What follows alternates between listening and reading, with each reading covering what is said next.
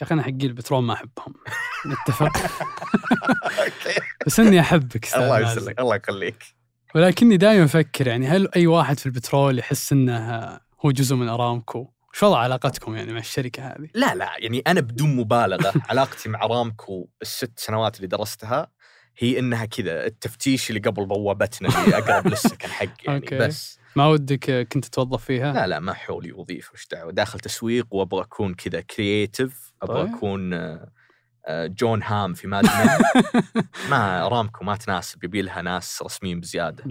دمو ست ونص. تخيل قدام ست ونص. إيش دعوة؟ ست ونص محاضرة يعني. وين في يا أبوي؟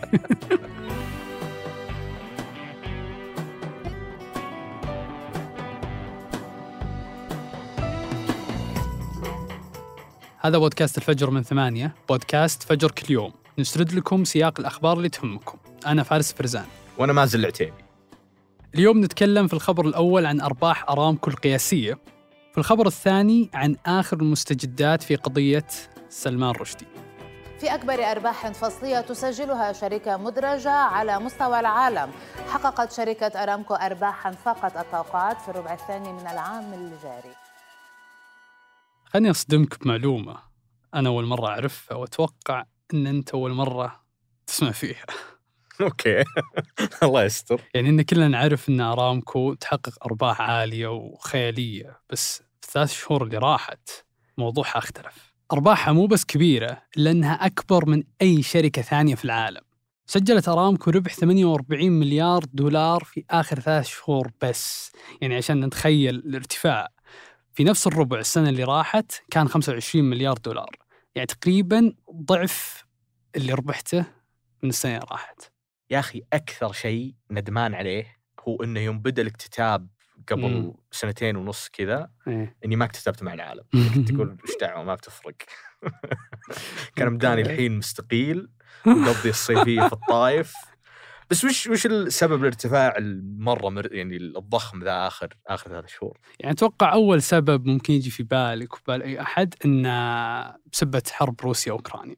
فعلا يعني هذا واحد من الأسباب لأن روسيا من أكبر المصدرين للبترول. في يوم صارت الحرب بدأت العقوبات تتوالى عليهم وأكيد أن إنتاجهم اليومي للنفط بيتأثر. حتى أنه قل لبعض الدول مليونين ومئتين ألف برميل في اليوم من بداية الحرب. طبعا نتيجة ذلك بيقل المعروض وبيزيد سعر النفط إلى أنه وصل ل 130 دولار للبرميل الواحد. السعر اللي آخر مرة وصل له في 2008 وعشان السعر ما يرتفع أكثر قررت مجموعة أوبك بلس اللي تضم 23 دولة من أكبر مصدرين النفط في العالم أنهم يزيدون الإنتاج 100 ألف برميل في اليوم الواحد. فزيادة الإنتاج مع زيادة الأسعار عطت أرامكو أرباح خرافية. آه، أرامكو أرامكو مو طبيعيه يعني أحس على كمية يعني تواجدها في الفضاء العام في معلومات كثير عنها طريقة شغلها أحس إني ما ما أعرفها يعني. يعني واحدة من الأشياء اللي توني عرفتها اليوم البحث عدد موظفين 70 ألف واحد يعني عندنا في ثمانية 60 واحد نحس يا الله وين بنحطهم فيه ذولي؟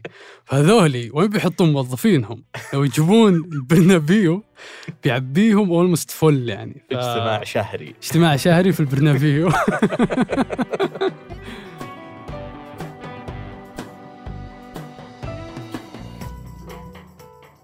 في الخبر الثاني راح نمر على تطورات قصة سلمان رشدي الكاتب البريطاني الأمريكي المولود في الهند. صدق إني شفت اسمه في كم خبر اليوم بس ماني فاهم بالضبط وش اللي صار له. آه هو الخبر اللي انت شفته هو انه تعرض آه. للطعن. أي. كان يقدم محاضرة في نيويورك يوم السبت وفجأة ركض عليه واحد من الجمهور وطعنه.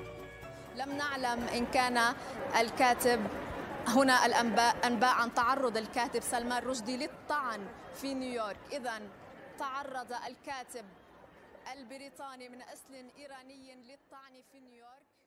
بس أنا ودي أعرف أكثر عن سلمان رشدي يعني أشوفه موجود طول الوقت فما أدري شو الموضوع. طيب أنت مواليد كم؟ بس أقول لك آه، ما تقطعها معي حماس.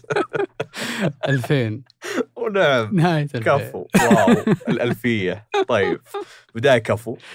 ثاني شيء سلمان رشدي السالفة اللي ينطعن عليها. جت قبل ميلادك ب 11 سنة. أوكي بدايات السالفة قبل ميلادك ب 11 مو سنة. بمرة كثير. أوكي. متى تبدأ؟ تبدأ في 1989 آه، نشر سلمان رشدي رواية بعنوان آيات شيطانية. مم. هالرواية سوت ضجة كبيرة في العالم لأن الصدق محتواها مسيء للإسلام وللنبي محمد عليه الصلاة والسلام. وطلعت مظاهرات واحتجاجات وطلب من دور النشر سحب الرواية. لكن السالفة الفعلية هو أن إيران والمرشد اللي هو في ذاك الوقت الخميني آه. آه، أصدروا فتوى بهدر دمه. نص الفتوى ما يزال موجود. هي تعتبر كذا حكم بالإعدام آه. على الكاتب والناشرين. وموضوعها جدي يعني يرجح أنها أصلا كانت سبب في مقتل آه، مترجم الرواية للغة اليابانية قبل 30 سنة. واو. يقول الخميني في نص الفتوى حرفيا أطلب من المسلمين الغيارة المبادرة إلى إعدام هؤلاء على وجه السرعة أينما وجدوه وإذا كان بوسع أحد العثور على مؤلف الكتاب ولا يستطيع إعدامه فليطلع الآخرين على مكانه لينال جزاء أعماله. يا أخي غير منطقي إن السالفة من 89 وما زالت موجودة. يعني إذا ما مسكوه وقتها تتوقع إنهم بينسون السالفة خلاص. بالضبط يعني أنا كنت متوقع أن السالفة ميتة لها 30 سنة الخميني بنفس ميت له 30 سنة. صح. لكن في الصحافة البريطانية آه، يقولون أن رشدي كان يعيش تحت حماية أمنية بريطانية لمدة سنوات وغير مكان إقامته 56 مرة خلال. أول ستة شهور من بعد الفتوى. وكان يستخدم اسم مستعار وما بدأ يرتاح بالظهور علنا إلا بعد آخر كم سنة. يعني ما كمل حياته طبيعي من بعدها. ابدا. آه، إلا لما انتقل لأمريكا وحس إنه انتهى التهديد إلى انه جاء حادث الطعن ذا. واللي رجع لفت الأنظار لسلمان رشدي وروايته اللي سببت كل هذا الجدل. الرواية كانت من الأكثر مبيعا في نهاية الثمانينات واليوم رجعت رقم 13 على امازون. يعني فعليا الهجوم عليه جاب ردة فعل عكسية وأشار الخرابيط اللي قاعد يقولها. إي يعني الرجال نفسه نجا سلمان امم والكتاب اللي صارت عليه المشكلة كسب جمهور ضخم كان مستحيل يكسبه لولا هالسالفة.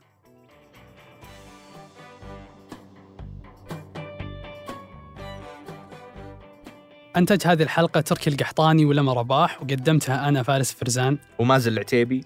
وحررها محمود أبو ندى. نشوفكم بكرة.